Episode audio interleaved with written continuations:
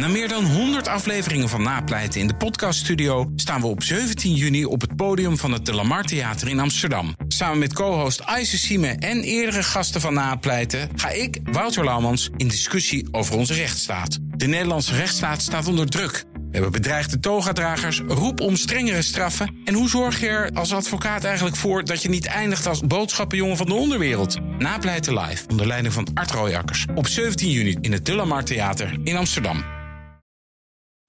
Dit is een podcast van BNR Nieuwsradio. Ja, welkom bij de tweede aflevering van de Technoloog. Een nieuwe wekelijkse podcast van Herbert Blankenstein en Ben van den Burg...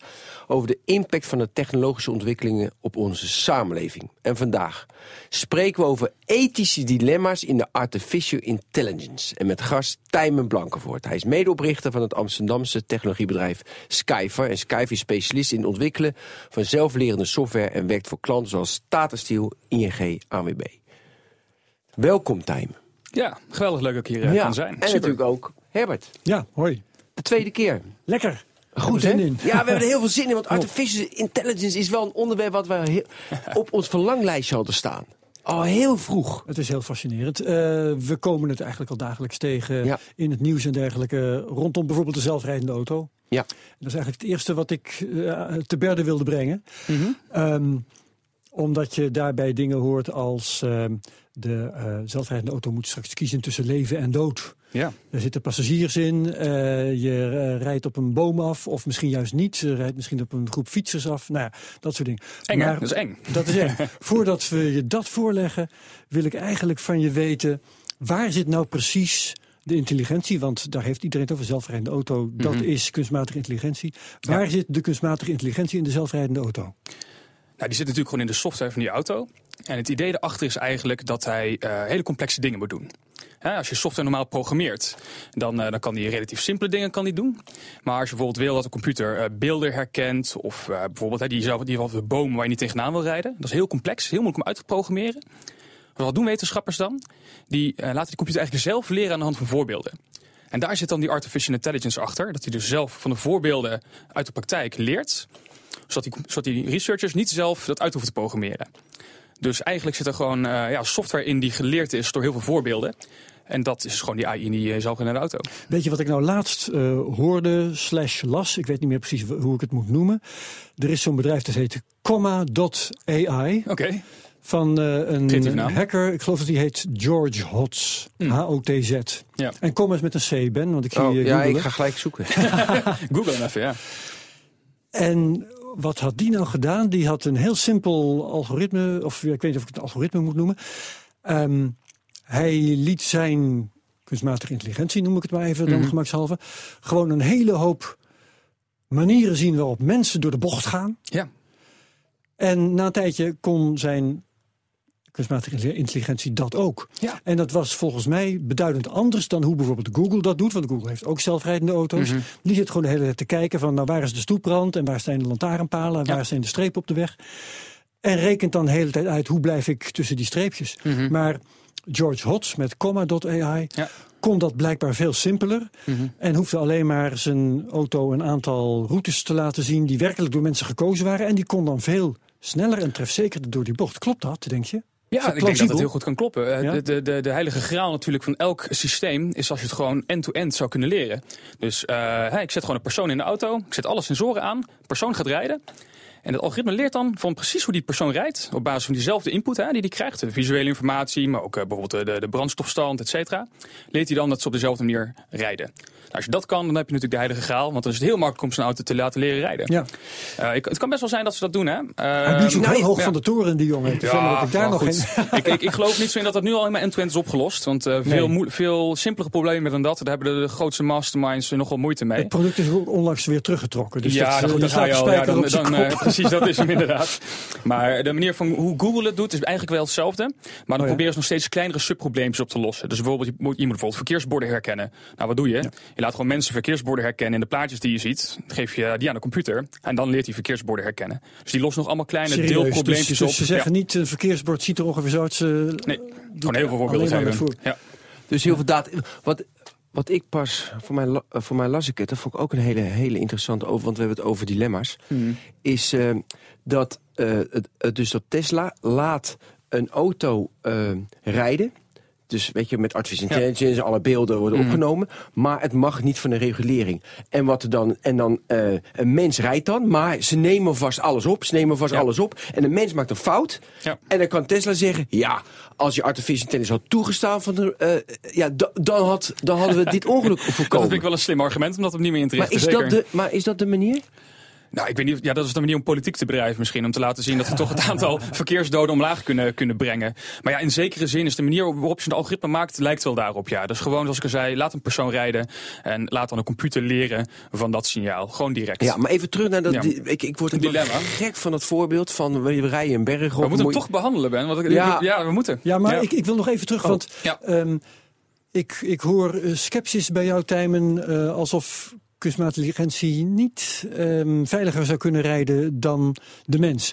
Ik hoor van eigenlijk van alle deskundigen, iedereen Mhm. gelooft dat als je maar die zelfrijdende auto hebt, dat je gewoon heel veel veiliger verkeer krijgt. Oh nee, ik denk dat je echt heel veel veiliger gaat Toch wel, rijden. ja, ja, ja, er zijn op dit oké. moment zijn er elk jaar zijn er 1,2 miljoen doden in, het verkeer. Ja. Ik denk dat je dat echt eh, met een factor 100 kan reduceren als je zelfrijdende auto's hebt. Dus laten we daar wezen. Hè. Dat is straks ook over de ethische Dat is dus discussies. alvast geen dilemma. Ja, precies. Ja, als, je, als je voor mij nadenkt over de ethische discussies, dat is eigenlijk volledig onderhevig aan het feit dat je het aantal doden in het verkeer met, met een factor 100 kan verminderen. Dus als we het daarover Ja, hebben, Elon Musk die, zeggen, maar die, die heeft zelf als journalisten schrijven eh, Ja. over zelfrijdende auto. Er is een ongeluk gebeurd. Dan zegt hij, dan zijn jullie crimineel, want het is veiliger. Dus je mag zelf niet ik, ik, zou, ik zou dat niet zo ver gaan. Maar, Nou, ik, dat maar ik, hij, ik, ik, hè. ik Maar vind wel inderdaad dat je dan misschien als journalisten moeten zeggen... hey, eh, het is inderdaad dit is een ongeluk wat gebeurd is. Maar eh, het, het maakt nog steeds veel minder ongelukken dan dat een mens zou doen. Hè, dat zou ik het goed vinden. Ja. Oké, dan hebben we dus dat, dat standaardprobleem. Het Oh, heet in, in eh filosofentaal heet het geloof ik de trolley problem. Ja. In elk geval, het, het- bestaat ook in de vorm van een trein die, eh, die eh, op een wissel afrijdt. En aan de ene kant van de wissel, nou ja, ik, ik noem net, hè, daar ligt... ehm, eh, even kijken, ligt, ligt één baby en het andere spoor er vijf. oude vrouwtjes. Ja, ja, ja. Weet je wel? Nou, kies maar. Je, je software moet. En in de vorm van een auto, dan rij je dus eh, op, een, eh, op een weg rij je op een, iemand af die daar ligt. En je kunt ook kiezen om naar opzij te sturen en tegen een boom te rijden. Is de bestuurder dood? Dat soort dilemma's. Zeg er eens wat van, Tijmen. Nou, iedereen die de probleem, probleem mij weer voorlegt, zeg ik altijd... nou, wat zou jij als persoon doen? Nou, een persoon doet maar wat, volgens mij. Ja, volgens mij ook. Ja, en, vol- ja, en volgens mij een computer ook. Kijk, dit dit Ja. psychologische probleem is eigenlijk eh, naar voren gebracht... omdat het een best wel... Hè, het is een probleem wat pro- mensen best wel sexy vinden. Want maar, het is heel spannend. precies, maar het probleem is wel dat, dat in, eh, in software moet je het eh, formaliseren. Nee, dat hoeft helemaal niet. Nee? nee, dat is net het, de grap van machine learning. Wat ik net zeg, hè, je, leert, je leert het computer door voorbeelden. En op het moment dat hij iets nog nooit heeft gezien, bijvoorbeeld zo'n zo'n voorbeeld... Dus dat is de fictie. dan gaat, gaat hij dus niet echt een bepaalde keuze maken. Maar hij doet gewoon iets lukraaks. Net zoals dat de mensen doet. Hè, jij bent getraind door voorbeelden. Je bent heel vaak heb je je auto gereden. Ja. Computer is precies hetzelfde. Die gaat hetzelfde lukrake ding doen als je Niet wil. zo vaak in zo'n situatie Nee. trouwens. Maar het mooie is, eigenlijk moet je het omdraaien. Want wij hebben, zouden wel eh, de, de macht kunnen hebben om de voorbeelden aan dat, die computer te geven om dat probleem op te lossen. Dus als jij en ik nou tot een consensus komen over wat we in zo'n situatie zouden moeten doen, zouden wij voorbeelden kunnen maken eh, die daar op die situatie lijken. En dan kan de Ja. computer weer leren dan onze oplossing die wij willen uit te voeren. dat dus kan eigenlijk dus is het alleen maar perfect dat wij die zelfrijdende auto's hebben. En die maar- kunnen dat wel leren. Ik vind het toch romantischer dat we, dat we juist niet die input geven. Want kijk, we accepteren... Romantischer. Nee, nee, nee, nee, nee, maar dat is wel belangrijk dit. Want kijk, bij een mens accepteren we dat de mens het ook zomaar wat doet, heel vaak. Ja. En wat we willen als mens, we gaan naar school en we leren heel veel... en we moeten met mensen praten, we hebben wetten... zodat wij niet zomaar iets doen. Ja. En eigenlijk is dat dus met artificial intelligence precies hetzelfde. Ja. Maar we moeten dus vaker accepteren... van de machine accepteren we het niet, want dat is een nulletje en een eentje. En dat is. Moeten we eigenlijk... Dat vind ik een mooi romantisch beeld. Computers maken fouten. En hoe generalistischer de computers worden, hoe meer fouten ze gaan maken. Als jij een computer vraagt om een hele moeilijke taak uit te voeren en je laat het maar tien keer zien, ja, natuurlijk gaat hij het niet meteen goed doen. Maar in de maatschappij heerst de overtuiging dat als je deze keus eh, die, die gemaakt kan worden, als je die aan een auto kunt leren, dat je het dan ook moet doen. Ja, maar dat dus vind ik dus Ben kan wel zeggen dat het romantisch is, Nee, maar, maar de romantische oplossing dat, die komt niet door het parlement. Nee, maar kijk, het parlement gaat hier denk ik ook ehm, niet uitkomen. Want oké, dan gaat het parlement beslissen... je rijdt zelf, blijf in leven, je rijdt die vijf fietsers dood. Dat kan, hè? Dan hebben we nu een wet. En dan gaan we stemmen met z'n allen. Ja, ik vind dat... Ik zie het ook niet voor me. maar, maar als, als we met z'n allen een consensus bereiken, en dan uh, programmeer ik het met liefde in de computer. Geen enkel probleem. Ja. ja, maar ik vind juist interessant van dit onderwerp. We gaan het niet meer in een computer lineair programmeren. Nee. We gaan juist die computer de kunst laten maken. Het, het, het niet, zoals een mens ook, dat je het vaak niet weet en onverwacht is. Ja, we, we gaan eigenlijk, en dat is eigenlijk de crux van AI in de komende 20 jaar, we gaan onze kennis langzamerhand in de computer stoppen. Dus de kennis om op basis van informatie, hè, input, een bepaalde handeling uit te voeren. Al dat soort taken. En dan gaan we langzamerhand gaan we de, ja. met, samen met de computer doen. En dan gaat de computer van ons leren om die kennis en kunde ja. erin te krijgen. Heb jij een voorbeeld? Mm -hmm. Echt gewoon heel, heel, erg, heel erg concreet. Ja. Waarbij jij een algoritme had gemaakt en dat er een uitkomst kwam dat je dacht van nee, dit, dit slaat echt nergens op. Oh, jongen, jongen. Uh, nee, niet echt eigenlijk. Nee, dat doen we niet zo Misschien vaak. Misschien komt nee. het uh, in de loop van, van dit het verhaal gesprek erop. Ja, ja. Dat, je ja, maar ik straks kom er zegt, ineens op nee, eentje. Nee, maar dat is, in de krant stond het ook. Dat is die ene, en dat is wel logisch. Toen hadden ze in een database hadden ze uh, criminelen gestopt, maar meer uh, zeg maar, zwarte mensen. Ja, en oh, ja, dat voorbeeld ken ik en dat is zo belachelijk. Leg uit. Vertel. Ja, dat is echt onzin. Nou, wat daar gewoon gebeurt is. Uh, Leg het voorbeeld even uit. Ja, oké. Okay, ik zal het voorbeeld. Goeie. Want mensen weten Goeie. het misschien niet. Ja, een professional in de radio had dat gedaan meteen. Um, het voorbeeld. Nou, het, het, voorbeeld is dus is dat een stel Chinezen heeft een algoritme gemaakt en die zeiden van, nou, we hebben heel veel foto's bekeken van criminelen en we kunnen aan de hand daarvan kunnen wij voorspellen of iemand een crimineel is of niet aan de hand van gezichtskenmerken. Dus we hebben gewoon de plaatjes, hè, gewoon een mugshot van een persoon in zo'n zo algoritme gestopt. En die kan dan een gezichtskenmerken herkennen. Klinkt een beetje als de schedelmetingen in het begin van de vorige eeuw. Ja, dat is het. Het zijn gewoon, Guinea. het zijn gewoon schedelmetingen. Ja, ja, ja, ja. Nou, als je nou weet wat, hoe zo'n algoritme leert, die leert gewoon aan de hand van de voorbeelden die hij krijgt. Dus als ik hem uh, 100 mensen als voorbeeld geef die crimineel zijn en 100 mensen die niet crimineel zijn, die gewoon een random uit de populatie trek. En dan gaat het algoritme leren aan de hand van die voorbeelden wie de crimineel is en wie niet. Dus, ja, dus mensen die lijken op de 100 voorbeelden die crimineel zijn, die worden ook als crimineel bestempeld. Nou, wat krijg je nou natuurlijk? Als je naar de gemiddelde gevangenispopulatie kijkt, zitten daar gewoon meer mensen van bijvoorbeeld een bepaald ras in, uh, in bepaalde landen. En dat komt niet door hun etnische achtergrond, maar dat komt gewoon door de socio-economische omstandigheden waar ze opgroeien. Maar het algoritme ja, gaat gewoon leren. Of racisme bij de politie. Of racisme met politie bijvoorbeeld. Ja, nou, we gaan, ja, precies, zou kunnen. Zeg je dat zo is? Nee. Ik zeg dat het kan. Ja, het kan allemaal. Ja. Maar goed, dat zit dus in de computer straks. En die gaat op basis daarvan leren. Dus die gaat voor iedereen die, ja. uh, die er Marokkaans bijvoorbeeld uitziet in Nederland, gaat die zeggen, nou, de kans is groter dat hij crimineel is. Maar we weten dat het een correlatie is. Maar we weten ook dat het een, geen causatie is. En dat is het verschil daar. Ja. Maar ik vind het wel een lastig vraagstuk. Want op het moment dat hier op basis van dit soort algoritmes en verhalen... dus beslissingen gemaakt gaan worden over bijvoorbeeld wat voor straf iemand moet krijgen. Dat is wat gebeurt in Amerika. Ja, ik heb het gelezen. Ja, ik heb dat, een dat, is dat is niet fijn. Ik heb een voorbeeld. Dat staat klaar uh, op jouw scherm, Ben. Dat is van een mevrouw die een TED-talk houdt over um, inzet van kunstmatige intelligentie bij uh, sollicitatieprocessen, bij, oh. bij uh, hiring. In, Start ik hem nu in. The downside is, we don't really understand what the system learned. In fact, that's its power. This is less like giving instructions to a computer. It's more like training a puppy machine creature we don't really understand or control. What if, unbeknownst to you, your system is weeding out people with high future likelihood of depression? What if it's hiring aggressive people because that's your workplace culture? And since this is machine learning, not traditional coding, there is no variable there labeled higher risk of depression, aggressive guy scale. Not only do you not know what your system is selecting on, you don't even know where to begin to look. It's a black box. Has predictive power, but you don't understand it. En zij zegt dus eigenlijk ja, min of meer hetzelfde als jij net. Mm -hmm. Je laat allerlei voorbeelden zien. En je weet dus wel aan de hand van welke voorbeelden jouw machine is gaan leren. Maar je weet ja. niet wat er verborgen zit in die voorbeelden. Ja, en, en... en de vraag is dus eigenlijk op de achtergrond, of die zij op de voorgrond schuift. Ja. Moet je dit op deze manier wel doen? Ja. Nou, er zitten volgens mij twee dingen in een argument. En het eigenlijk belangrijkste hierin vind ik is dat je. Dat je uh, nou, het ene argument is zeg maar, je kan het niet, uh, niet, niet inzien. Daar gaan we het zo even over hebben, want volgens mij is dat tegenwoordig wel mogelijk. Okay. Uh, maar ik denk ook dat mensen dit vaak fout doen. En dat gaat veel implicieter dan en veel meer subconscious misschien dan dat je zou willen. Mm -hmm. Hè? Um, de dus, vooroordelen van mensen ja, die je ook, natuurlijk ook, allemaal hebt. Precies, en in het hiringproces. Geef bijvoorbeeld ja. een voorbeeld in dit stukje over, over dat mensen klinische depressie zouden kunnen hebben en dat het algoritme dat eruit haalt. Ja, misschien zien wij dat als mensen ook en hebben we dat helemaal niet door. Als iemand nee, maar... een beetje downig is bij het gesprek, et cetera, dan kunnen we misschien ook op diezelfde... Weet je wat een heel belangrijk verschil is? Ja. Je hebt uh, 10, 100, 1000 bedrijven en die hebben allemaal verschillende HR-figuren, personeelsfunctionarissen. Ja. En zal En die dezelfde zijn. En die hebben allemaal hun andere vooroordelen. En Oké, dus als je bij het ene bedrijf wordt afgewezen, heb je het volgende nog een kans. Ja. Wanneer je daar software voor gaat gebruiken, dan heb je een goede kans dat je allemaal dezelfde software gebruikt. Allemaal van Microsoft, bij wijze van spreken. Ja. En dan worden steeds dezelfde mensen Ja, afgewezen. maar, maar, dan- Nee, maar dan maar- ga je dus weer terug naar mijn voorbeeld. Hè? Als je dus elk bedrijf traint zijn eigen software, Ja. om, om er wel of niet, dan heb je weer het probleem opgelost. Ja, want je Dus- moet de cultuur van het bedrijf in jouw software Ja, stoppen. maar het Ja, is wel de vraag mensen- of dat zo zal gaan. Want uiteindelijk zullen dat bedrijven doet. toch kiezen Ja. voor het kopen van een of ander product, denk je Ja, niet? maar, maar daar, kunnen we met z'n allen uit kiezen. Nou, ja, het kan het product zijn, maar dat product is dan weer zo'n machine learning algoritme.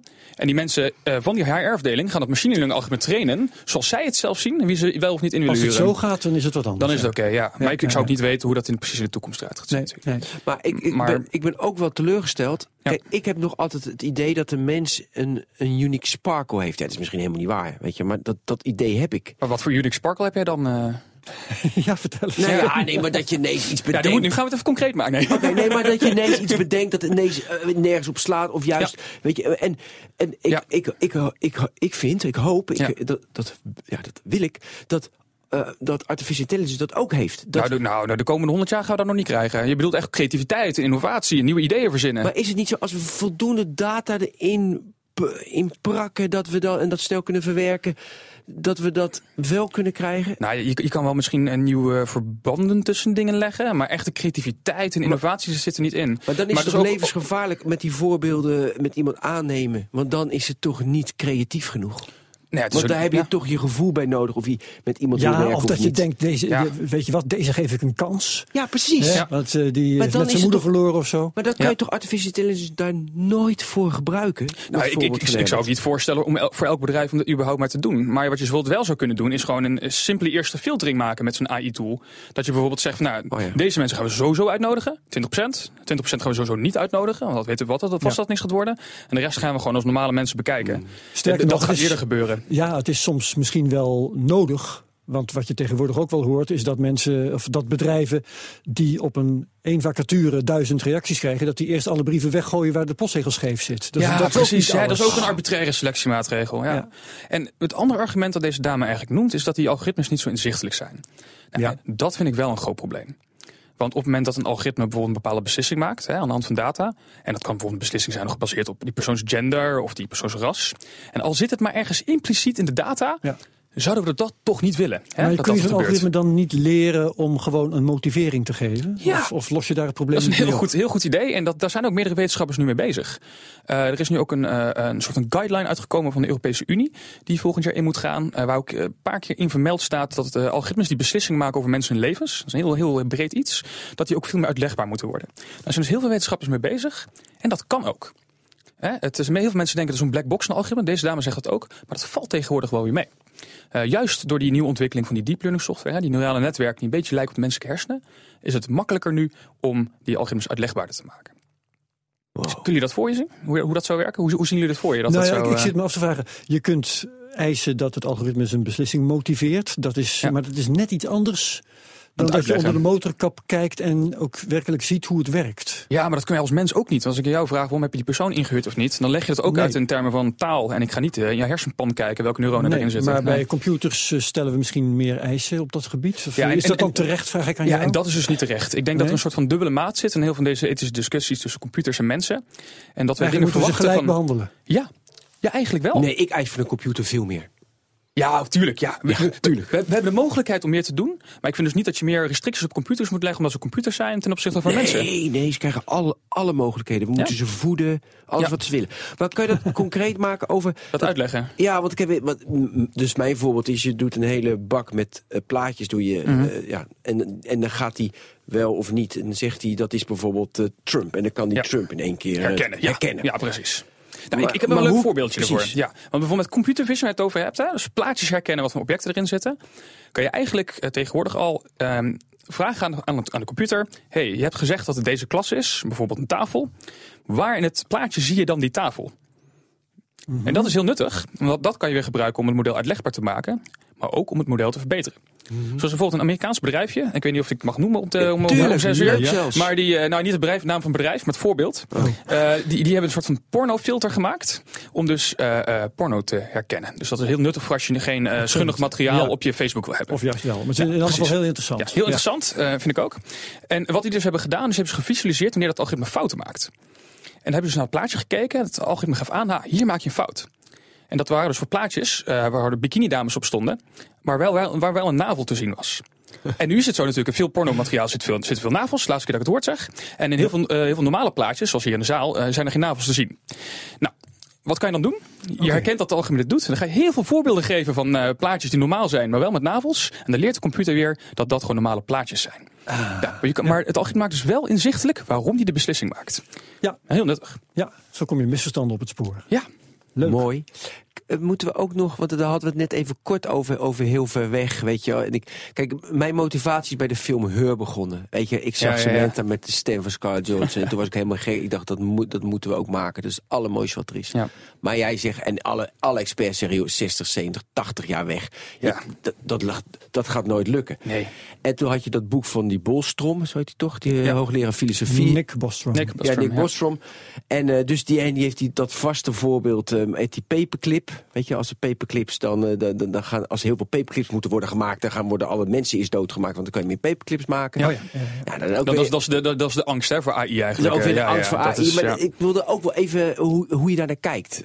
Ja, ik, ik, ik deel die mening van die experts in de zin dat het gewoon nog honderd jaar gaat duren voordat we dat hebben. Kijk, als je, als je ziet wat deze algoritmes nu doen, en ik heb het een paar keer gezegd, het leert gewoon van voorbeelden, dat is het. Eigenlijk is die term artificial intelligence gewoon niet goed. Want die term artificial intelligence roept bij iedereen meteen op Terminator-ideeën en dat het ook daadwerkelijk intelligent is. la- ehm, En dat is gewoon niet zo. het IQ is natuurlijk ook een hele gemankeerde maat. Ja. Maar laten we het er toch even over hebben. Ehm, iets wat nu doorgaat voor artificial intelligence. Hè? Ja. Dus eh, neem die zelfrijdende auto, kan mij schelen. Ja. Wat voor IQ moet je daaraan toekennen? Nul. Ja, echt, echt een dikke, vette nul. En dat is omdat al die AI gewoon heel specialistisch gemaakt wordt. Kijk, twintig jaar geleden was er gewoon een computer die eh, Gary Kasparov versloeg in schaken. Ja. En die was veel beter dan Kasparov in schaken. Ja. Maar die computer gaat geen... eh, Die kan geen boodschappen doen. Nee, die gaat geen gedichten schrijven, die gaat Nee. geen politiek bedrijven. Eh, om echt in de IQ-score te hebben, moet je general intelligence hebben. En natuurlijk kan je voor sommige IQ-testen wel een computer leren om die testen te gaan maken. Maar dan kan die alleen maar die test maken. En is hij dus niet intelligent. En eigenlijk alle AI die we nu toe hebben, eh, zelfs zo'n eh, zo'n Dat is gewoon een verzameling van allemaal hele specialistische AI-modules. Ik vind dat augmented intelligence, wat je nu steeds vaker hoort in plaats van artificial Ja. intelligence, vind ik veel mooier dan. Ja, dit is gewoon een tool die we gebruiken. Ik zeg altijd, AI dat is gewoon een teachable software tool. Het is gewoon een eh, het is software natuurlijk. Hè. Het is teachable omdat wij het leren. En het is een tool die we gebruiken om iets te maken. Het is net zo'n hamer. Een hamer gebruik je gewoon om hele mooie dingen te maken. Maar die is ook niet intelligent. En de AI is ongeveer even intelligent op dit moment als die hamer. Oké, dat is helder. En, en, je- en jij denkt dat het zo, weet je, het is zo'n hype en een buzzword. Dat komt Mhm. dus naar mijn idee omdat we inderdaad die films en we, we, het, het is, heeft iets. Ja, en de marketing gewoon van bedrijven.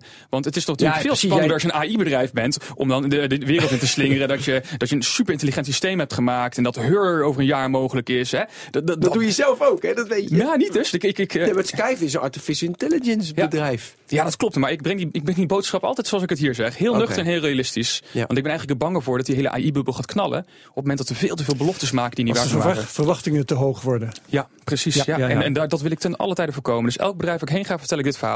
Dit is wat AI wel is. Dit is dus wat AI niet is. En dat wat AI wel is op dit moment is ook heel mooi. Ja, je schiet er ook niks mee op als jij een opdracht krijgt... en er wordt meer van je verwacht dan je kunt leveren. Nee, dat is alleen maar zonde. Ja, ja, ja. Nou even, hè, want we hadden het over Her. Ja. Eh, film met echte, waar- waarin dan eh, echte intelligentie een rol speelt. Maar jij zegt dat duurt nog 100 jaar. Ja. Nou ga ik het even omdraaien. Want ik heb een voorbeeld van een film die is gemaakt door artificial Intel- intelligence. Mooi. Ja. Is ging als volgt. Wacht even, ja. Eh, er was een wedstrijd, een filmwedstrijd. En toen hebben ze een AI-algoritme eh, de scenario's laten lezen, laten zien van die verschillende films die waren ingeleverd. En daarna gezegd, schrijf er ook zelf maar in. Dus het heeft een scenario opgeleverd. Dat is vervolgens gespeeld door echte acteurs, waaronder in de mannelijke hoofdrol Thomas Middleditch, dat is ook de hoofdrolspeler, in de film Silicon Valley. Dus heel passend en hier volgt een fragment. In a future with mass unemployment, young people are forced to sell blood. It's something I can do. You should see the boy and shut up. I was the one who was going to be 100 years old.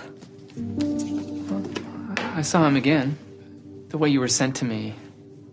That was a big, honest idea. Ja, dat, eh, not. Kunnen, kunnen, kunnen jullie er sens van maken? hij zegt nog iets. Nou, het is grappig dat je dat nu al zegt. Want bij zo'n kort fragment kun je ook denken van... ja, ik kan er geen touw aan vastknopen, maar het zal wel. Het is een, Ik kan het invullen. Ja. Ja, maar het is inderdaad waar. Als je die film, die film die duurt eh, weet ik niet, 10, 15 minuten of daaromtrent. Het is film? totale Ja. wartaal. Het Ja. is totale wartaal. Klopt. En die acteurs die lossen dat dan een beetje op door heel diepzinnig te kijken en zo. Maar het is, het is werkelijk helemaal niks. ja, dat klopt. En dat komt ook door de manier waarop die algoritmes gemaakt worden. Leg uit. Nou, hoe dat gemaakt wordt, zo'n eh, zo'n script. Hè? Eh, je kan gewoon 100 scripts pakken of 1000 scripts. Die geef je aan die computer. En eigenlijk vraag je aan hem: Nou, als ik de, deze 40 karakters heb bekeken, dus deze 40 eh, letters in je tekst, probeer dan het volgende karakter in die tekst te voorspellen. En dat probeert hij dan te doen aan al die documenten die hij ziet. En dan op een gegeven moment kan je dus taal gaan genereren. Dus dan gaat hij één voor één gaat hij karakters genereren. En dan pakt hij dan het laatste karakter dat hij gemaakt heeft, die als input. En dan verzint hij de volgende weer, et cetera, et cetera, et cetera. En dan gaat hij dus infinitely gaat hij dus dat soort teksten genereren. Maar dat algoritme heeft nog nooit context gezien. Dus die weet helemaal niet waar hij het over heeft. En dat zie je dus ook terug in deze tekst, want het Ja. is allemaal nonsens. Ja, maar als het dus, en het gaat nog honderd jaar duren, weet ik, maar als we dus meer context, meer datapunten in context kunnen invoeren, dan hebben we hem uiteindelijk. Ik, ik geef dan- één voorbeeld, ja. omdat, het zo leuk is. Want je, je zegt inderdaad, hij begrijpt niet wat hij aan het doen is. Nee, precies. Dat is precies het geval, want wat heb je in zo'n scenario? Daar heb je ook tussentijdse opmerkingen. Het is geen tekst voor de acteur, Mhm. maar dat is, zijn aanwijzingen voor de acteurs. Ja. Hè? Dus er staat dan bijvoorbeeld, eh, of daar zou moeten staan... eh, hij loopt van de keuken naar de kamer en eh, pakt daar een kopje thee. Ja. Nou, wat hier is zo'n aanwijzing, gegenereerd door het AI-algoritme. Ah, leuk. Ik heb het even vertaald, vertaald uit Engels. Ja. Hij pakt een lichtscherm en bevecht de veiligheidskracht van de deeltjes van een uitzending op zijn gezicht. Ja, belachelijk. Staat helemaal nergens op. Ja. ja, dat is typisch zoiets van dit soort algoritmes. Die, die, die genereren gewoon ad infinitum die taal. En er zit helemaal geen begrip of kennis in. En het klinkt heel stom, want we hebben het over AI. Hè, over vijf jaar hebben we artificial intelligence. En dan kan, kan zo'n algoritme Nee, dit, dit maar- nog niet eens goed doen. Dat staat er maar, nergens op. eh, maar mijn conclusie is echt, nou, dat had ik al, maar nu helemaal heftiger door jullie. Dat, dat die term is echt dodelijk geweest. Die artificial intelligence term. Dat ja. moet echt augmented intelligence zijn. Want Bijvoorbeeld. daardoor ja. hebben we veel te, veel te hoge verwachtingen. Het is totaal niet. Ik weet niet of je veel oplost door, door met woorden te spelen. Ja, Daar nee, ik dan ik denk weer het wel. Want daar, jawel, Nou, nee, wel een beetje, krijg want die mensen hebben toch een bepaald gevoel Ja. erbij, hè? Ja, ja, ja. ja. Maar- ik, ik wil nog even een voorbeeld. Dit is eh, weliswaar hamer op hetzelfde Oh, aanbeeld. Ik wil nog even heel kort, want ik vind deze wel leuk. Want, Tuurlijk, Want dit, tekstvoorbeeldje, dat is wel heel nuttig. Want eh, die, datzelfde algoritme wordt dus wel weer gebruikt in nuttige toepassingen. Bijvoorbeeld in, in spelcheckers. Dus als jij een spelchecker, die kan eigenlijk, moet eigenlijk hetzelfde doen. Hè? Tekst genereren die dan sensible eruit ziet. Maar die kan dus bijvoorbeeld wel eh, je woord afmaken. Of eh, zelfs leren van hele hippe nieuwe woorden op Twitter. Eh, Daar kan hij van leren. En dan heb je spelcheckers die eigenlijk zelf updaten aan de hand van de, van de nieuwe taal die gebezigd wordt. En als je dat niet- goed doet, dan bespaart hij mij toetsaanslagen. Ja, precies. En dat is dan wel weer een hele nuttige toepassing van diezelfde technologie. Ja, goed. Ja, gaaf. Ga verder, ga verder. Nou ja, het andere voorbeeld, want eh, films heb je, maar je hebt ook muziek. Mhm. En er is ook een keer geweest dat, ehm, dat men een ehm, AI-algoritme heeft gezegd... hier heb je het repertoire van de Beatles. Kijk even goed, luister even goed... en schrijf nu zelf maar een liedje in de stijl van de Beatles. Komt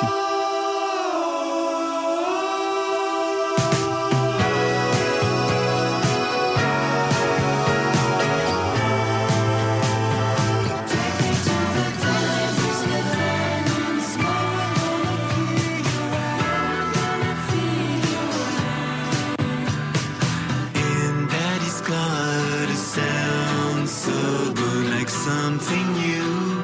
It turns me on. Good day, sunshine in the backseat. God, I wish that road could never stop.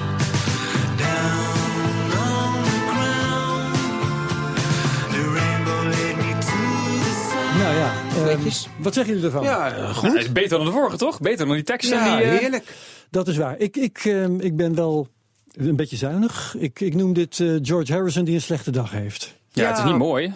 Maar goed, we, mo- we moeten, oh, nee, we moeten hoge, ho- hele hoge eisen stellen, hadden we net. Maar Ja, belangrijk. ja, nee, ja, nou, ik vind Nee, maar er het- is, er is wel iets uitgekomen. Ik bedoel, hier, hier kom je mee weg, hè? Toch? Dat, dat ja, wel. hier, hier kom je wel mee weg. Maar dat hangt ook van de manier waarop dit natuurlijk gemaakt is. Hè? Want als je bijvoorbeeld het is uitgevoerd door mensen. Ja, dat precies. Het is uitgevoerd voor mensen. En het is trouwens, het grap is, het is hetzelfde computeralgoritme. Een recurrent neuraal netwerk. Wat Dat, dit soort, dat, eh, dat, jij, jij kent ja. dit echt allemaal? ja, dat ken je. Ja, ja, Oh, hey, ja, anders zou ik hier niet zitten als expert. je ja, wat, wat doe hier dan? eh? ik ken ook niet alle journalisten hoor, of alle kranten. Ja, en, en, en ik kan zelfs uit de, de, uit de klanken halen van hoe dit gemaakt wordt. Want ze hebben namelijk de losse tracks van de verschillende instrumenten en ook de tekst hebben ze apart hebben ze dat netwerk op toegepast. En dan ga je dus gewoon eigenlijk de losse onderdelen van die tracks genereren. Ja, maar dit, dus dit moeten we zien als aardige experimenten, maar die komen toch naar boven Ja. drijven. Want ja, alles komt naar boven drijven, want Ja. we hebben de digitalisering.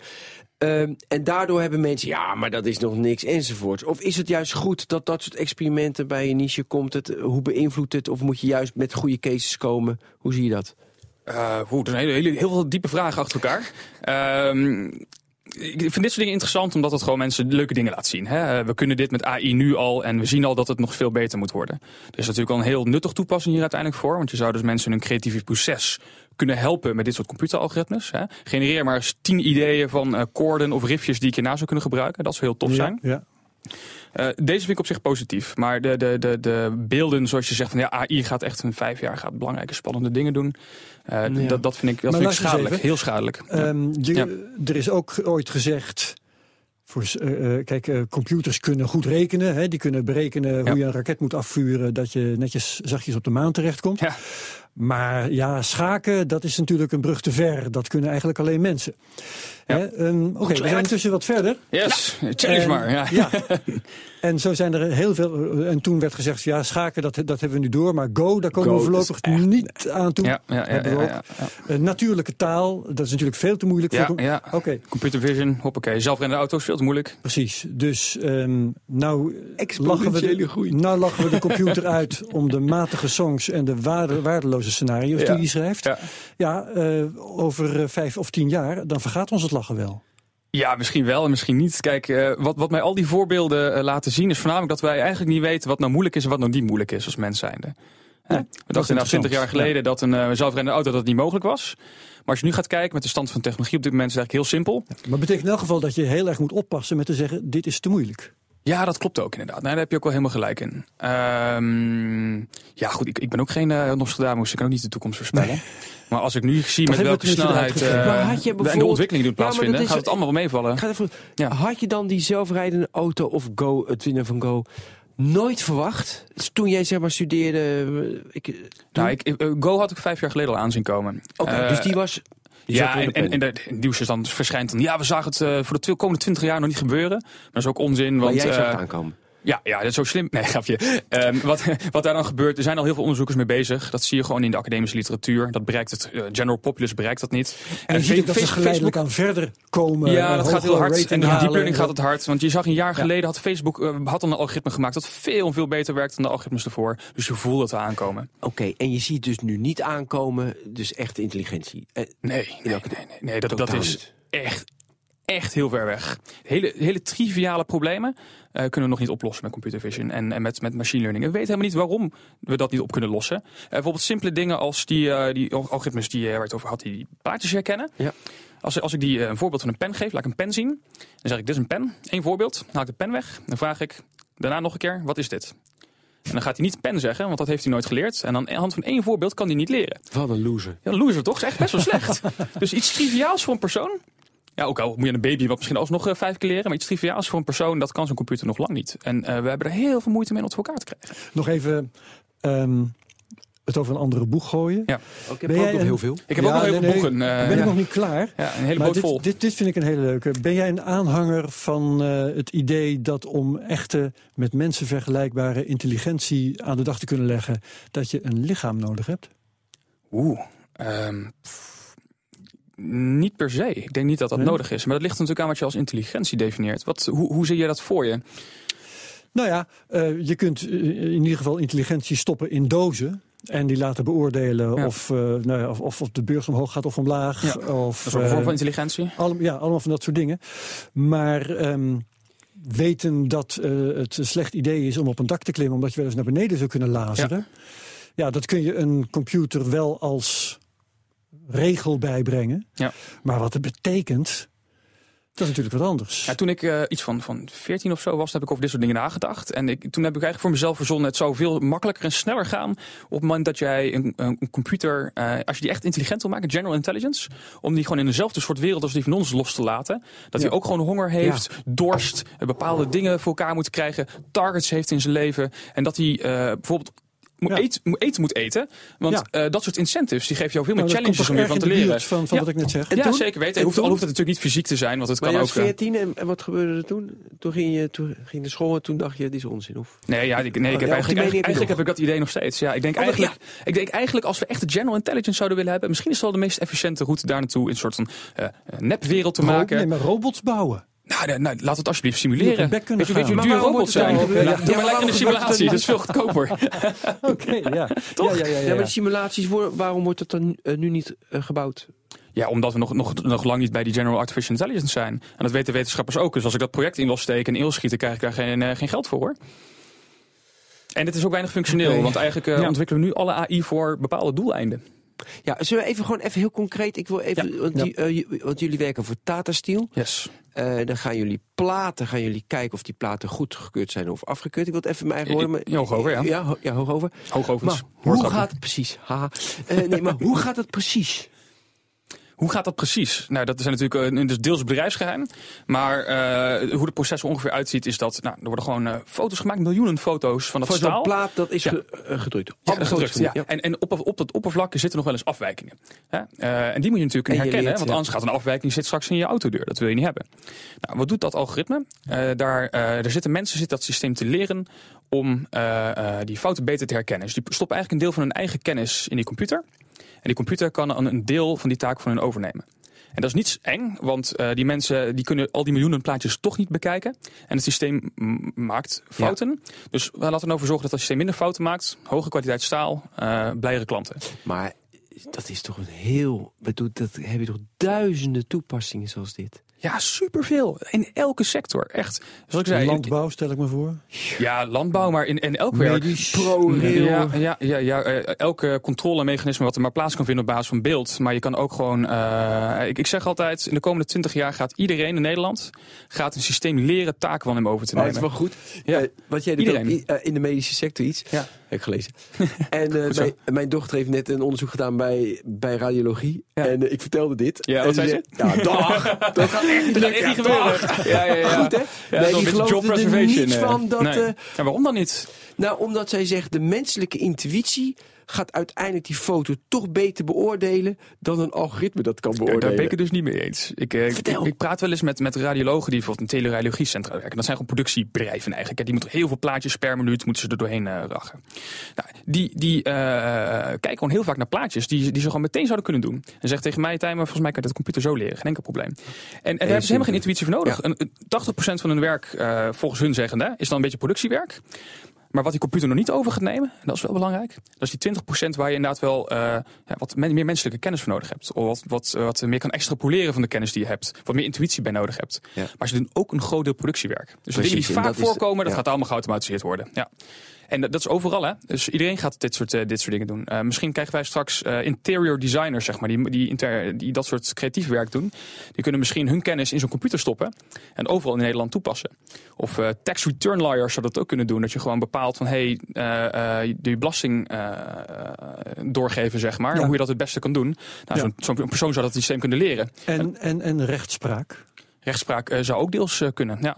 Maar het probleem is bij rechtspraak ook is dat er toch weer een beetje een menselijke factor bij komt kijken. Precies. Dus er zijn natuurlijk clear-cut cases van, nou ja, je bent gewoon schuldig of niet. Maar Ja. dat is waar we overal bij nadenken maar bij nou de rechtspraak. de verdachte.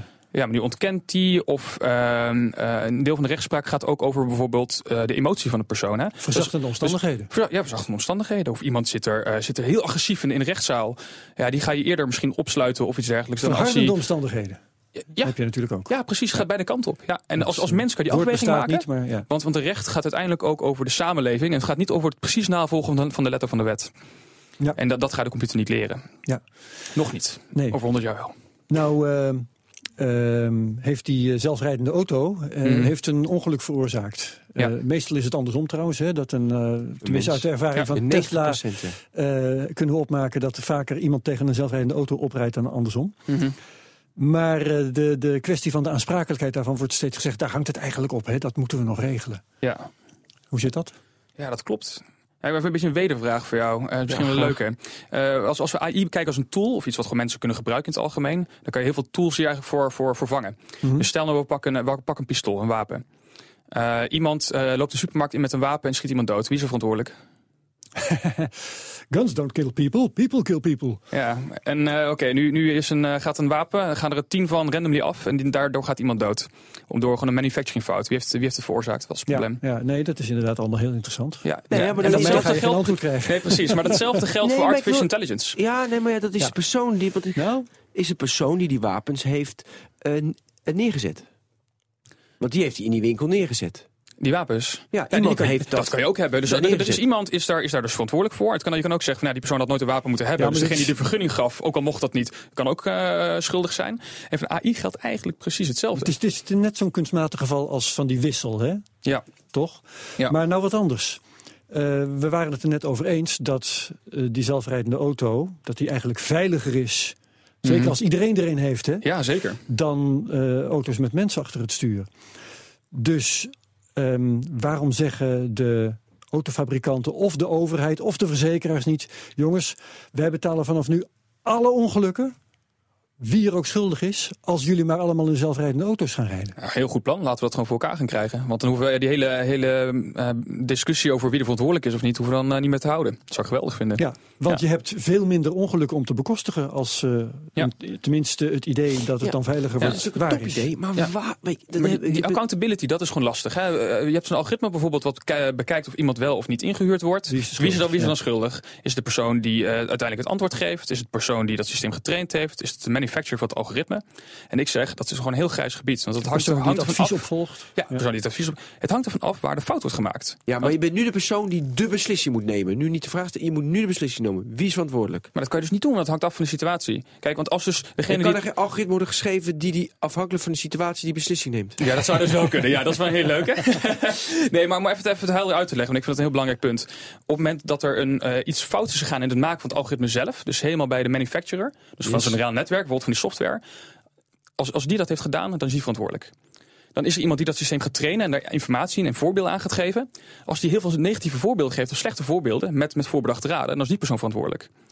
Als iemand uiteindelijk het systeem gebruikt en die bijvoorbeeld niet op de, de warningssignalen van het systeem eh, let dat dit systeem onzeker is, dan is die persoon verantwoordelijk. Ik voel al een parlementaire enquête aankomen. Nee, maar dit is een goed verhaal. Ja, Het- het dit gaat- is zeker. Want het gaat gewoon, waar gaat het fout in het Het traject? En dan moet je per oplossen. case gaan bekijken. Je kan het niet over, overkappend oplossen. En heel veel van dit soort ethische vragen en accountability vragen... die worden ook vaak in de jurisprudentie en in de rechtspraak... pas naderhand, hè, als het eh kalf, kalf verdronken is, den men in put... wordt het pas naderhand bekeken. En dan gaat het over, hoe voelen wij ons erover als maatschappij... En ook hoe zou onze maatschappij in elkaar moeten zitten, eh, zodat wij optimaal kunnen performen. Dat zijn eigenlijk beide dingen die in dat soort ethische dingen afwegen, accountability. Ja, en daar gaan gewoon rechters en dergelijke naar kijken om dat helemaal uit te pluizen. En dat komt pas gaandeweg in dat hele proces. Denk ik. Ja, Dus laten we gewoon naar programma gewoon doen en dan kijken wat wanneer wanneer het fout gaat. ja, dus daar ben je ook van. Iets gewoon Ja. doen en dan... En Ja, maakt het tegen- uit voor dit, soort, voor dit soort vraagstukken als je precies weet hoe die software werkt? Ja, dat, dat is cruciaal. Die door, eh, ja. Ja, ja, dus je hebt echt experts nodig die weten hoe die software werkt en dat we helemaal na kunnen pluizen. eh, om te kijken van ja, waar ging, waar ging het dan fout? En is het een probleem dat maar weinig mensen dat helemaal snappen? Nu nog niet. Ik ben, ik ben nog nooit gevraagd om hier mijn, eh, een ei over te leggen. Dus eh, ik denk dat er genoeg mensen zijn die, die hier wel begrip van hebben en die daarin zouden kunnen assisteren. Oké. En het idee dat, eh, want eh, Elon Musk is al een keer genoemd. Elon Musk en Stephen Hawking waarschuwen voor kunstmatige intelligentie. Daar moeten we het ook over hebben, ja. Ja, dat is zeker. ook een heel belangrijk dilemma. Ehm, Etelwijzer. ja. ja, Ehm, hebben, ze, hebben ze een punt? De kunstmatige intelligentie- zou op de loop kunnen gaan en bijvoorbeeld ons kunnen overheersen. Want de kunstmatige intelligentie schrijft zijn Ja. eigen software en verbetert zichzelf. En wij kunnen daar A niet meer over zien en B onszelf niet zo snel verbeteren als de Mhm. kunstmatige intelligentie Ja, dat is dat singularity verhaal, hè? dat het exponentieel zichzelf gaat verbeteren. Ja. Ehm, ik- Het, heeft, het is plausibel. Ja, het, het, verhaal eh, is plausibel. Zoals, jij- hè, het is weer, weer, dat gaat gewoon de komende 50 jaar niet gebeuren. Maar het is wel plausibel dat het ooit zou kunnen gebeuren. Eh, persoonlijk denk ik eigenlijk dat, dat het een beetje zonde is om daar nu over na te denken. Want iedereen heeft het erover, et cetera. Maar Ja, dat ik- zeiden ze tien jaar geleden ook van het klimaatprobleem. dat is waar. Ja, ja, daar heb je een heel goed punt. Nee, Ja. maar goed. nee, maar ik denk dus maak- eigenlijk... maak je gedachtegang toch maar even af. Ja, dus, ja, precies. Nou, ik denk eigenlijk dat het heel erg anders gaat lopen. Ik denk dat wij onszelf eerst gaan enhancen. Dus eerst onszelf aan technologie gaan koppelen, onze hersenen verbeteren. Misschien Hmm. wel biologisch onszelf gaan hacken. En op die manier onszelf verbeteren. En misschien smelten we wel eerst samen met die technologie voordat wij algoritmes hebben gemaakt die intelligenter Als zijn je dan de wij. AI in je eigen donder stopt, dan los je het probleem eigenlijk op. Ja, dat Dan is het verbeter je eigenlijk. jezelf net zo hard mee. Ja, precies. En dan is het ook helemaal niet, Zo. helemaal niet zo eng meer dat we, dat we toch? Nou ja, sommige mensen zullen dat ook wel weer eng vinden. Ja, goed. Ja, precies. Maar goed, dat doen we dan maar geleidelijk aan. wel heel interessant in ieder geval om dat te Ja. kunnen bijwonen. Maar dat zal ik wel niet halen. Ja. En, en wat de, de manier om dit te voorkomen, dit hele probleem, is om die algoritmes gewoon transparanter te maken. Dus eh, alles open source te maken, weet wat er onder de hoed gebeurt. Dat niemand enge dingen kan gaan doen die je niet verwacht. En dat is eigenlijk heel belangrijk. Ja, en dat is ook om dat OpenAI is opgericht. Kennen jullie OpenAI? Ja, ja, tuurlijk. 1 miljard erin, eh, Elon Musk. Elon. Musk, ja, en die heeft het gedaan met die reden. Van jongens, eh, ik wil gewoon de beste AI-technologie maken. En dan maak ik het openbaar voor iedereen. En dan Ja. zorg ik ook voor dat iedereen het begrijpt. Want als, dat gebeurt, dan kunnen we namelijk ook voorkomen dat iemand ergens een schimmelgehol software maakt die opeens randomly intelligent wordt en iedereen Ja, doodmaakt. maar dan denk ik aan eh, Google, Facebook. En dan denk ik van eh, niks open. Nou, precies. Die Ja, maken heel veel open. Echt waar. Ja, maar het algoritme is toch niet open eh, hoe mijn timeline op Facebook eruit ziet. Met algoritme dat ze daarvoor gebruiken. Ja, dat vind ik een heel goed voorbeeld, want daar zouden we wat aan moeten doen. En Maar het is dus cruciaal oké. dat vanaf nu ehm, de beste AI dat die komt uit die open bron, hè, zo'n open AI-project als jij noemt van Elon Musk. natuurlijk nooit Dat is cruciaal. de beste Ja, dingen open technologie zijn. Want zodra, en dat, dat is het Google-Facebook-verhaal wat, Ja. wat Ben zegt. Zodra ehm, kunstmatige intelligentie met een gesloten bron de beste is, dan gaan mensen dat gebruiken. Ja. En dan ben je verloren. Ja, precies. Ehm, Ja, maar, ik, ben het er helemaal maar mee eens. waarom denk je, waarom denk Open vraag stellen. Waarom denk je dat de open source AI eh, het, het gaat winnen? Want het is gewoon wie heeft de meeste power, macht Ja. eh, van de Facebook, Google's, Of hoop je Amazon. het alleen maar? Nou, ik, ik hoop niet alleen, maar het gebeurt nu ook echt. Dus eh, het hoofd van het AI-lab van Google is daar een heel groot voorstander voor, Geoffrey Hinton. Het hoofd van het Facebook AI-lab, eh, Jan LeCun, is er een groot voorstander van. Die publiceren eigenlijk al het onderzoek wat ze doen open. Natuurlijk zijn de, de precieze inner workings van het eh, Facebook timeline-algoritme niet bekend. Maar er zijn een groot deel van de mensen die, die in die wereld zitten, die weten wel ongeveer hoe dat algoritme werkt. En die kunnen daar dus, dat dus ook checken. Ehm, en in de toekomst hoop ik dat het eigenlijk nog verder gaat. Want Facebook zit nog wel op het randje, zeg maar, in die zin van open en niet open. Maar op dit moment gaat het goed. En de meeste vooraanstaande wetenschappers die bewaken het nu in ieder geval dat het open blijft. Ja, maar het, Ja, het is eng, begrijp ik. nee, maar dus het is nu mooi, weet je. Dus jij gelooft Ja. in, in, de, in de good of mankind, want het is open en daardoor krijgen we geen hele rare... Nee, ja, maar goed, daardoor krijgen we geen rare dingen. Maar dan denk ik gelijk nu inderdaad wat Facebook doet. En, eh, Ja. en dan denk ik, nou, Maar, ja, maar dat van Facebook is natuurlijk net een ander verhaal. Hè. Dat is, dat is eh, wel heel cruciaal voor een website natuurlijk, dat het algoritme niet helemaal duidelijk is. Maar dat algoritme gaat nooit, Nee, nooit enge dingen doen. Nee, nee, nee, maar dat gaat natuurlijk over de filterbubbel. Dat, dat, dat, dat, Ja, dus dat gaat- vind ik erg. Dat vind ik ook leuk om over te hebben. Ja, daar, Maar- daar, daar zou ik het ook graag over willen hebben. Ja, nee, maar dat is ook een algoritme, ook Ja. AI die mij iets, wel, eh, wat wel, wat niet. Is de filterbubbel resultaat van kunstmatige intelligentie? Ja, ja zeker. Ja. En ook eigenlijk eh, kunstmatige domheid. Ik wou net zeggen, want ja. ja, kunnen we die term introduceren. je hebt net uitgelegd dat, Oh, nee, KD, dat, ja. dat het IQ van AI is nul. Ja, klopt. En dit is in dit geval een mooie formule hetzelfde. trouwens. Hè? IQ van AI is nul. Kijk, Ja, wat, wat er gebeurt, eh, bijvoorbeeld eh, Dat is de Facebook... titel van de, van Ja, de podcast vandaag. kunstmatige domheid, dat vind ik ook heel mooi. Ja. Nou, wat er gebeurt met zo'n algoritmes zoals van Facebook, eh, zij moeten op de een of andere manier moeten zij bepalen wat jij wil zien. Hoe doe je dat? Nou, ja, de simpelste manier is om gewoon te kijken naar wat like je, waar klik je op, eh, wie zijn je naaste vrienden. En dat soort dingen gaan we je blijven voorschotelen. Ja, en dat soort dingen. Ja, dat, en dat werkt ook. Want je kan dan eh, gewoon bewijzen aan, aan de hand van de data. dat je dan vaak op Facebook zit. dat je dan meer liked. dat je meer interactie hebt. Dus dat, dat werkt. Het probleem komt eh, op het moment dat je eigenlijk ook misschien wel eens op een gegeven moment dingen wil laten zien aan mensen die ze niet willen zien. Juist om een beetje verzuiling tegen te gaan. En dat zit gewoon niet in het algoritme. Nee. Bijvoorbeeld. eh, Want dat, dat wat- is ook wat- niet in het belang van Facebook. niet per se, ja. maar niet maar op- wel, eigenlijk wel. Hè. Het, Ja, zit- zit wel, wel in het belang. Waarom? Eh, nou, ik kan je een voorbeeldje geven van wat er met, toen daar met Ferguson gebeurde. Eh, ik weet niet of je dat, dat voorbeeld nog kent. Eh, Ferguson, dat was... Eh, moord op, op zwarte jongen. Ja, moord op, op, een, op een donkere jongen die inderdaad werd neergeschoten. En toen waren er allemaal protesten. Ja. Nou, als je op Twitter zat, zag je dat overal, die protesten. Zag je op Facebook, zag je dat nergens. Hoe Ja. komt dat nou? Niemand die een negatief bericht ziet op Facebook, liked het. Dat doe je niet. Want je gaat niet een bericht liken dat iemand is neergeschoten, dat er protesten zijn, et cetera. Nee. Maar het algoritme is wel getraind om daarop te optimaliseren. Dat vond Facebook heel erg erg dat ze dat niet lieten zien. Want zij kwamen negatief in de media omdat ze het idee hadden dat ze gecensureerd werden. Zijn toen die balletjes gekomen dat je nu ook kunt aangeven dat je huilen. boos bent? Precies, ja, je hebt een Ah. link. Dat is hem. En dat is nu ook. Nu hebben ze dus verschillende manieren van interactie. Want ze hebben dus gezien, ja, eh, negatieve reacties moeten we ook. Dat is ook engagement. Dat moeten we ook laten zien. Dus we zijn nu niet alleen maar een positief platform, maar we zijn een platform met meerdere emoties. En dat komt eigenlijk allemaal voort uit het feit dat eh, Facebook onbedoeld, hè, echt onbedoeld, die censuur pleegt over dat eh, Ferguson eh, ongeluk. Oké, Ja, maar ja, ja, ja. Ik, ik, ik moest ineens denken nu, dat, dat voorbeeld moest ik ineens aan dat fake nieuws van vorige week. Dus een, Ja, lijkt er ook op, hè? ja, fake nieuws. En, dat, en daardoor ging de beurskoers van een Frans bedrijf ging naar beneden. Ja. Dus het is alleen maar, Ja. Ja. alleen maar algoritmen die dat allemaal veroorzaken. Ja. En gewoon beurswaarde boef, naar beneden. Komt dan weer Ja. op en mensen verdienen er geld mee. Het is strafbaar. Maar hoe... Ja, hoe gaan we dat voorkomen? Ja, dat is een stomme Ja, vraag. los dit op met AI. Hè. Herken fake news. Ja, Nou, je kan Hoe het dat? je- je- nou, dat kan je doen. Dat, eh, dat, je kan gewoon naar heel, heel veel nieuwsberichten kijken. En naar de origin, waar ze opgepost zijn, et cetera. Dan laat je mensen ermee interacten door te zeggen: dit is fake nieuws, dit is niet fake nieuws. En dan gaat hij daarvan leren. Het is gewoon een spamfilter. Hè? Je kan ook aan spam kan je, kan je herleiden of het Een- fake is of fact- niet. Een fact-checker moet je eigenlijk Ja, formaliseren. ja, dat, het is gewoon een spamfilter, maar dan het nieuws toegepast. Dus dat Ja. kan wel. Ja. Maar als wij dat willen voorkomen, wat de impact op de samenleving daarvan is, want dan moeten wij eigenlijk met een, als maatschappij een keuze maken. Want ehm, er, vindt een soort van verzuiling op dit moment plaats. Eh, we zijn ooit, ooit vanuit de verzuiling begonnen. Toen is het op een gegeven moment weggegaan omdat je dus één staatsomroep krijgt. Of je krijgt meerdere nieuwsagents. Nou, in, in hele grove zin. Dus mensen gingen veel meer naar elkaar toetrekken en kregen zelf, zelf steeds meer dezelfde mening. Op Facebook, door die algoritmes, krijg je alleen maar te zien wat je leuk vindt. Want ik vind bijvoorbeeld één politieke partij leuk, eh, op dit moment in Nederland. En die heb ik ook als enige geliked op Facebook. Krijg ik ook alleen maar van die politieke partij berichtjes. Nu lijken ze heel positief en heel geweldig. Maar ik krijg de rest dus niet te zien. Ja. En dan, dan, dan ga ik dus veel meer op die ene, politieke partij Tijmen denkt stemmen. dat En blijf een ik in mijn partijstaat zijn eh, waar alleen die partij maar bestaat. Ja, ja, nou, in mijn hoofd wel. En dat is natuurlijk niet dat ik dat echt denk, maar ik word wel alleen maar daardoor beïnvloed. En eigenlijk, want jullie zijn journalisten, hè? Eigenlijk vroeg ik me ook eigenlijk af van jullie hoe denken jullie daar nou over? Moet daar niet iets aan gedaan worden om dat juist tegen te gaan? Die, eh, die bubbelvorming. Die bubbelvorming, ja. Ja, zeker. Dat, dat wil zeggen, ja, ehm, ik, vind het, ik vind het ongewenst aan de ene kant. Aan de andere kant ehm, kun je Facebook moeilijk verplichten om dingen te doen die niet in hun belang zijn. Het is gewoon een bedrijf.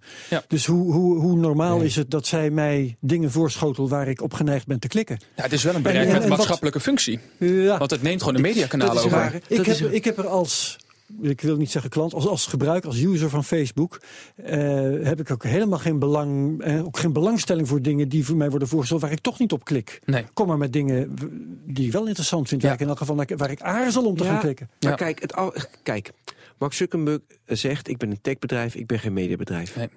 En, en daarin zit hij volgens mij mis. Ja, dat is gewoon zo. Hij is gewoon Want een hij is wel een mediabedrijf. En ik vind Ja. als mediabedrijf heb je de verantwoordelijkheid om mensen niet in een bubbel te laten. Om, om mensen nou ja, meer te laten zien van de wereld wat er is. En Ja. het algoritme moet zo zijn dat niet een bericht dat ik niks aanvind, maar dat ik getriggerd word. Dat Ja. ik denk van, van hé, hey, daar, daar zit iets. Ja. En het algoritme van Facebook vind ik slecht.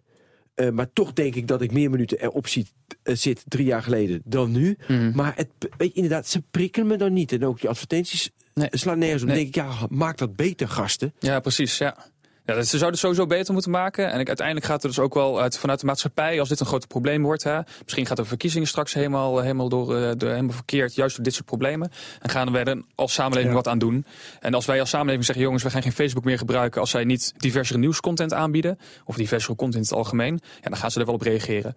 En met AI is dat op te lossen. Ja, maar je kan zo diversere gaat- content aanbieden. Ja, oké, dat, dat is oplossen, maar ehm, je gaat de massa niet zo ver krijgen dat ze Facebook gaan boycotten Juist. alleen maar omdat ze diverse nieuws eisen. Zo Ja, dat weet het ik dus niet. Ik denk als je heel populistisch eh, in, het, eh, in het parlement of, of in het nieuws eh, gaat, gaat verkondigen dat dit een groot maatschappelijk probleem is. Dus iemand als Arjen Lubach die zou dat kunnen doen en die heeft het ook eh, gedaan. Dan denk ik dat mensen daar best wel boos over kunnen worden. Nee, nee, Ik geloof daar niet in. ik ook Oké. niet. Ik bewonder je optimisme. Ik ook. Ja, ja dat is mijn jeugdig zo- optimisme. Ja, dat, ja, die ja, zitten wat, dat wat langer in het. vak. Nee, mensen die gaan gewoon lekker zappen. En eh, Ja. die vinden het allemaal prima. Ik kan allemaal geen eh, Nee. Ah, wat cynisch zeg. We moeten positief. Ja, blij zijn want we positief. kunnen allemaal van die mooie dingen maken. Precies, dat is het. Heb Nou, je nog, heb je voordat nog we misschien positief eh, eindigen, ga Nog ik- even wat ik- ik negatiefs. heb nog, ja, nog iets negatiefs. Ehm, want kunstmatige intelligentie, eh, robots enzovoorts, eh, gaat dat ons het e- einde van de arbeid, het einde van de banen opleveren? banen moeten we het ook over hebben. Ja. Dat, is, dat vind ik een hele goeie. Ja. ehm, nee. Waarom niet? Ehm, ik, ik denk dat het eh, ons het einde van sommige banen gaat, gaat betekenen. Mhm. Maar ik denk dat er altijd nog wat bij komt aan banen. Dat is dus één deel. Dan komt er evenveel terug als er verdwijnt. Straks gaan er 50 miljoen chauffeurs eh, niet Ja. meer kunnen werken. Ja, ik heb zelf nooit de berekeningen gedaan. Maar ik kan me voorstellen dat er wel meer weg gaat gaan dan, dan dat er nu is. Ja.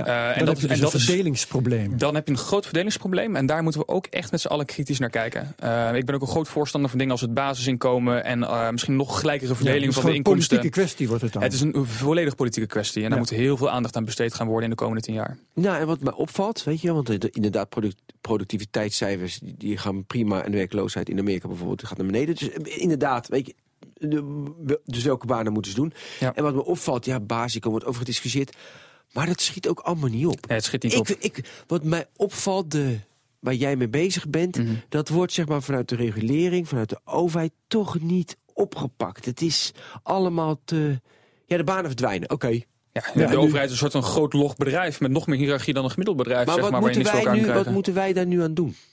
Ja, nu, eh, nu valt het denk ik nog mee. Want ik heb nu nog geen signalen gezien dat er, dat er eh, mensen gaan verdwijnen, et cetera, et cetera. Dat gaat een geleidelijk proces zijn. Ja, maar, Maar als al dat die echt- massa ontslagen bij die banken. Ik, ik vind, je kan niet dit nu een beetje Ah, vertalen. er zit ook alweer andere redenen achter hoor. Dat, is, dat gebeurde vroeger ook. Dat zijn gewoon automatiseringsslagen. Dat is niet nieuw voor, de, voor, voor nu, eh, Oké. denk ik hoor. Ja, maar die Maar- digitaal. En... Zou het niet Ja. zo kunnen zijn dat als eenmaal structureel eh 20%, 40% werkloos is, dat het dan te laat is? Dat je dan Ja. het tij niet meer kunt keren? Nee, als het, als het eh, te snel gaat, dan heb je een probleem. Hè, het, het verliezen van banen, het automatiseren van processen en werk, dat gebeurt al heel lang. Eh, we hebben vroeger het wiel uitgevonden, zeg maar. Dat zorgde ervoor dat mensen die toen eh, eh, hun goederen van de ene plek naar de andere plek moesten dragen, dat het opeens een stuk makkelijker ging dat je er minder mensen voor nodig had. Hè. Dat gebeurt continu. Het probleem is als dat te snel gaat. En dat lijkt, dreigt nu ook al een beetje te gebeuren. Hè, de technologische ontwikkelingen zijn snel, dat zorgt allemaal ontwrichting. En ook die AI gaat snel. Dus het zou zomaar kunnen zijn dat binnen nu en 20 jaar veel, veel meer banen veel te snel weggaan. En dan kan je dat als samenleving niet zo makkelijk meer opvangen. Maar we weten ook wel dat we dus als samenleving steeds rijker worden en daar profijt van hebben. Ja. Dus dan gaat het eigenlijk gewoon om inderdaad wat je zei, die betere herverdeling van de resources die eruit komen. Ja, en dat moeten we wel in gaan richten eh, binnen nu en eh, een paar jaar. Kunnen we dat nu, nu een keer voor zijn? Nee, maar Het is heel proberen moeilijk. te- Ja, het is heel Dat moeilijk. kan niet. Nou ja, Nou ja. Wij, wij kunnen hier nu niet eventjes dat systeem bedenken, denk ik. Zeker niet in de laatste drie minuten. Lijkt me wel leuk. Hebben we nog maar drie minuten? Ja, Dat is weinig. Dan Nou gaat de ja. tijd snel. Eh, is er nog iets dat jij zeker... wil- Ik heb nog wel iets hoor. Nou, ja, ga maar met jouw eh, dingetje. Ja. Nou ja, nou ja ik wil... ik heb ook nog wat. Oh nee, nee, ik wil heel graag weten... Een loodjes trekken. eh. Ja, maar, nee, maar ik heb nu ook gewoon heel erg concreet. Waar heeft mijn vader, weet je wel, 8, eh, 81, wa- en eh, ik, eh, algoritme, waar, hoe gebruikt hij het? Hoe heeft hij er profijt van? Eh, profijt weet ik niet, want ik weet niet wat, wat hij doet in zijn Nou, dagelijks leven. Misschien helemaal niks, niks. meer. Hè? Nou, dan, goed, dan gaat, gaat hij er weinig profijt van hebben, denk ik. Dus nooit, dus die, die, die- niet. Nou ja, goed, zoals ik al zeg, ik denk wat we gaan krijgen is dat we iedereen een soort tools gaat maken om hun, hunzelf te helpen in het dagelijks leven en, en dat soort dingen. Ehm, ja, je hebt natuurlijk al voorbeelden van, van knuffelrobotjes of zo. Of als hij straks in de zorg komt, Ja, dat, dat je robotica krijgt die hem gaat assisteren, die, die hem helpt met de pillen. die ja. hè, dat, dat is meer de robotica. Maar echt de, de spannende ontwikkelingen. Het spannendste is gewoon dat wij gewoon eh, een hele hoop werk kunnen automatiseren. En dat is heel Ja. tof. Ik zie wel eens video's van die zorgrobots, maar daar wil je nog niet door verzorgd worden hoor. Nee, die zijn nog best wel gevaarlijk. grappig Ja. zijn die video's. Ik Ja. heb nog een vraag aan jou, Tijmen. In de hoop op een sterk verhaal, dit is niet voorbereid. Word je wel eens ergens bij een bedrijf geroepen en dat ze je iets vragen eh, om te doen en dat je moet vaststellen dat het eigenlijk helemaal niet, dat er eigenlijk helemaal geen intelligentie nodig is om hun probleem op te lossen? Ja, continu. Ja, je krijgt de meest wilde vragen van mensen. Eén voorbeeld. Ja, ja, ja. Hele rare. Eh, Ook de naam van het bedrijf noemen. Ja, oei, oei, oei, oei, oei. Eh, dan moet ik even gaan graven. Ehm, Anders mag je het, want je kunt vast wel multitasken. Je had zelf ook nog een dingetje. nou, de, de, de, de makkelijke vragen die wimpel ik altijd af, dus die sla ik niet zo op. Ik krijg wel altijd hele ludic- ludicrous vragen. En van die vragen denk ik van, hoe komen ze hier nou weer op? Dus eh, van die bedrijven die dan, eh, ehm, hebben ze terabytes en sensordata verzameld. Vanuit schepen. Terabytes en sensordata. En dan vragen ze Tijmen, kan je nou voorspellen wanneer onze motors kapot gaan? En eh, dan vraag ik me nou, hoe vaak gaan die motors dan kapot? Ja, dat gebeurt zo'n eh, twee keer per jaar. Dus dan heb ik eigenlijk 10 datapunten. Eh, dus 10 datapunten van een keer dat het verkeerd gaat. En dan terabytes aan data om aan dan daarvan te voorspellen wanneer het verkeerd gaat. Nou, dat werkt dus niet. Zo, zo werkt machine learning niet. Maar ze hebben, ze hebben het wel allemaal opgeslagen met het idee dat ze dat zouden kunnen doen. Ja. Nou, dat gebeurt continu. Mensen die gewoon bergen data opslaan en dan denken dat er omdat AI intelligent is, dat er dan magisch patronen gevonden worden en dat er dan magisch allemaal briljante algoritmes uitkomen. 10 datapunten is natuurlijk altijd te weinig voor zoiets. Ja, of je nou een terabyte datapunten hebt als input, dat maakt niet uit. Het gaat maar om de hoeveelheid voorbeelden die je hebt. Ja. Ja, ja, ja. Vreemd eigenlijk, hè? dat mensen toch, toch denken dat het nog zo magisch is, die AI. Wat had jij nog? Eh, niks. Oh. Ik ben, eh, ben, eh, ben er doorheen. Dan zijn we klaar. Ja, we hebben heel veel leuke dingen besproken volgens mij. Heel Ontzettend veel eh, veel. ontwerpen. Ja. Goh, nou. eh, En ik vind, eh, wat hadden we nou? Kunstmatige domheid. Dat is dat wat me bij is gebleven. Dat, Die is mooi. Ja, en de IQ van AI is is nul. nul. Is nul, dat, is, dat, is heeft met die domheid te maken. Oké. Ja, en wat ik zelf dus ook heel erg belangrijk vind, is dat we echt in de komende jaren ook dus die uitlegbaarheid in die eh, systemen gaan stoppen. En dat moet ook. eh, en er is ook heel veel drive naar. En die, die black box wordt gewoon geopend in de komende tijd. En we moeten ons richten op herverdeling van werk en geld. Heeft eh, niks met AI te maken, behalve Nee. dat het er het gevolg van is. Wel Ja. met ethiek. Ja. Ik ga afronden. Dit was de tweede aflevering van de Technoloog. Ik bedank natuurlijk Herbert Blankenstein. Maar ik bedank vooral Tijmen Blankenvoort van Skyfer. Ik was Ben van den Burg. Tot volgende week.